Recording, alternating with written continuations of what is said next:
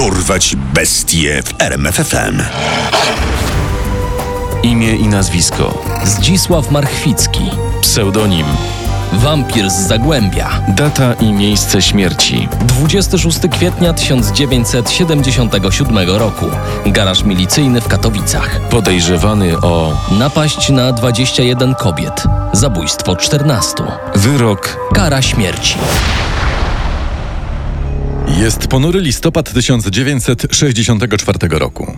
Przy nasypie kolejowym w Dąbrówce Małej zostają znalezione zwłoki 58-letniej Anny Mycek. Sekcja wykazuje, że kobieta została uderzona ciężkim narzędziem w głowę.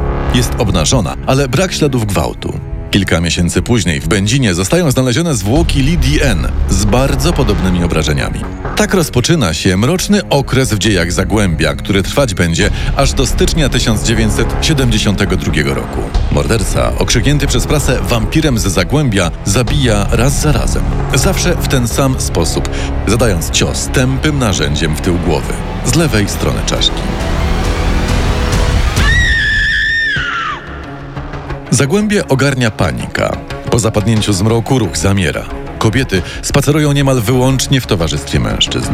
Słyszała pani? Ponoć chce zamordować tysiąc kobiet na tysiąclecie Polski w imię ojca i syna. Zakłady pracy podstawiają autokary, które rozwożą pracownice do domów. Zostaje też uruchomiona specjalna linia telefoniczna. Za wskazanie zabójcy lub jego śladu wyznaczono ogromną, jak na tamte czasy, nagrodę milion złotych. Nic dziwnego, że telefony w milicyjnej komendzie są rozgrzane do czerwoności. Milicja? Halo? Ja chyba wiem, kto to ten wampir. To mój sąsiad Józef. Łazi gdzieś nocami, ponury taki. Tym wampirem to jest mój szwagier Migalski Leszek. To co? Dostanę milion? W lipcu 1965 roku w katowickiej komendzie wojewódzkiej powstaje specjalna grupa operacyjna pod kryptonimem Anna od imienia pierwszej ofiary. Przewodzi jej kapitan Jerzy Gruba, ten sam, który niemal 20 lat później będzie tuszował dowody w sprawie morderstwa Grzegorza Przemyka. 11 października 1966 roku sprawa przyspiesza. Tego dnia w Będzinie zostaje znaleziona kolejna martwa kobieta. Ofiarą jest Jolanta Gierek, 18-letnia bratanica Edwarda Gierka. Milicja pracuje coraz bardziej gorączkowo. Po ulicach spacerują przebrani za kobiety funkcjonariusze. Nie brak też milicjantek.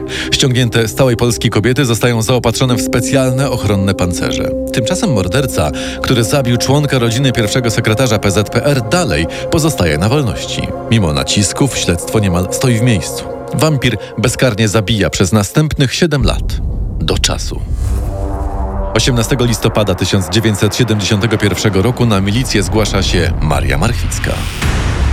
Panie władzo, proszę ukarać mojego męża alkoholika. On się znęca nad rodziną i w łóżku jakiś taki dziwny jest.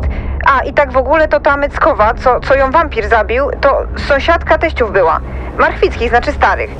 Mnie się wydaje, że to mój dzisiek ją dziabnął. Dąbrowa Górnicza. 6 stycznia 1972 roku. 5.20 rano. W domu Zdzisława Marchwickiego i jego żony pojawiają się milicjanci. 50-letniemu pracownikowi kopalni w Siemianowicach Śląskich zostaje postawiony zarzut znęcania się nad żoną. Nieco później dochodzi kolejny zarzut zamordowania Anny Mycek. Podejrzany przy aresztowaniu wypowiada jedno zdanie. Nareszcie, nareszcie żeście tego wampira złapali. To oficjalna wersja milicji. Według świadków Marchwicki mówił coś zupełnie innego. Tylu was, jakbyście tego wampira złapali. Marchwicki początkowo nie przyznaje się do winy. Od pewnego czasu jest na liście podejrzanych. Notowany wcześniej za nielegalny handel pod pewnymi względami pasuje do profilu sprawcy. Pod wieloma jednak nie bardzo. Waży tylko 60 kg. Nie posiada ani roweru, ani auta, podczas gdy morderca często jednego dnia przemieszczał się nawet o kilkadziesiąt kilometrów. Jest też bardzo prymitywny, więc nie do końca chyba rozumie, w jakiej sytuacji się znalazł. Zostaje poddany drobiazgowym przesłuchaniom i naciskom. Wytypowani milicjanci udają nawet kolegów z celi, wszystko po to, by przyznał się do winy. Nie bez znaczenia jest też telefon od Edwarda Gierka do komendanta wojewódzkiego. Jak tam? Złapaliście tego wampira? Obywatelu pierwszy sekretarzu, melduje, że aresztowany chyba jest mordercą. To jest czy nie jest? No, jest. Od tej pory Zdzisław Marchwicki musi być wampirem. Czy jest winny, czy nie?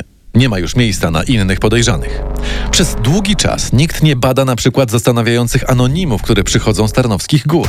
Droga milicjo, wy naiwniacy jesteście ostatnimi patałachami. Żeby aż tak długo mnie ścigać? Mam was tam, gdzie światło dzienne nie dochodzi.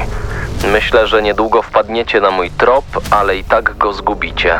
Z poszanowaniem, kochany wampir. Ich nadawcą może być Piotr Olszowy, chory psychicznie właściciel zakładu rzemieślniczego w Tarnowskich Górach. W jednym z listów do milicji pisze, że 4 marca zabił ostatnią swoją ofiarę. Faktycznie była to ostatnia ofiara wampira i że wkrótce sam straci życie. Kilka dni po wysłaniu ostatniego anonimu mężczyzna zabija żonę i dwoje dzieci i popełnia samobójstwo. Tymczasem rusza proces Marchwickiego. Nie widziałem nigdy Marchwickiego, ani nawet w śledztwie mi go nie pokazywano. Moim zdaniem sprawcą zabójstwa mojej żony jest Zdzisław Marchwicki. Dowodów jest dużo. Zeznaje jeden ze świadków. Niektórzy widzieli domniemanego zabójcę tylko chwilę, kilka lat temu, ale są przekonani o winie Marchwickiego. Skoro milicja go zatrzymała, to musi być winny. Proces jest pokazowy. Ma miejsce w mieszczącej 800 widzów hali Silesia. Czy pani tamte zeznania podtrzymuje? Tak, ty bracie, abyście mnie w tym też dopał, to ja bym wyglądała. Ty, draniu podły, ty. To pani na pewno nie pamięta, co trzy dni temu na obiad jadłam. W wersji oficjalnej ostatecznie skruszony wampir przyznaje się do winy, wykrzykując Tak, to ja zabiłem. Byłem mordercą i to wielkim mordercą. Akta sądowe wskazują jednak, że na pytanie, czy jest mordercą, podejrzany odpowiada tylko. No cóż, najwyższy sądzie, co to za różnica? Z tego, co tu usłyszałem, chyba tak. Po 125 dniach procesu i czterodniowej mowie końcowej oskarżyciela Zdzisław Marchwicki zostaje skazany na śmierć. Wyrok wykonano w garażu milicyjnym w Katowicach. Odlano też pośmiertną maskę skazanego. Do połowy lat 90. była ozdobą Izby Pamięci w katowickiej komendzie wojewódzkiej. Gdy triumf PRL-owskiej milicji obrócił się w jeden wielki znak zapytania, czy Marchwicki rzeczywiście zabijał kobiety, maska gdzieś przepadła. Nikt nie wie, gdzie obecnie się znajduje. Tak jak nikt nie jest dziś pewny, kim naprawdę był wampir z Zagłębia.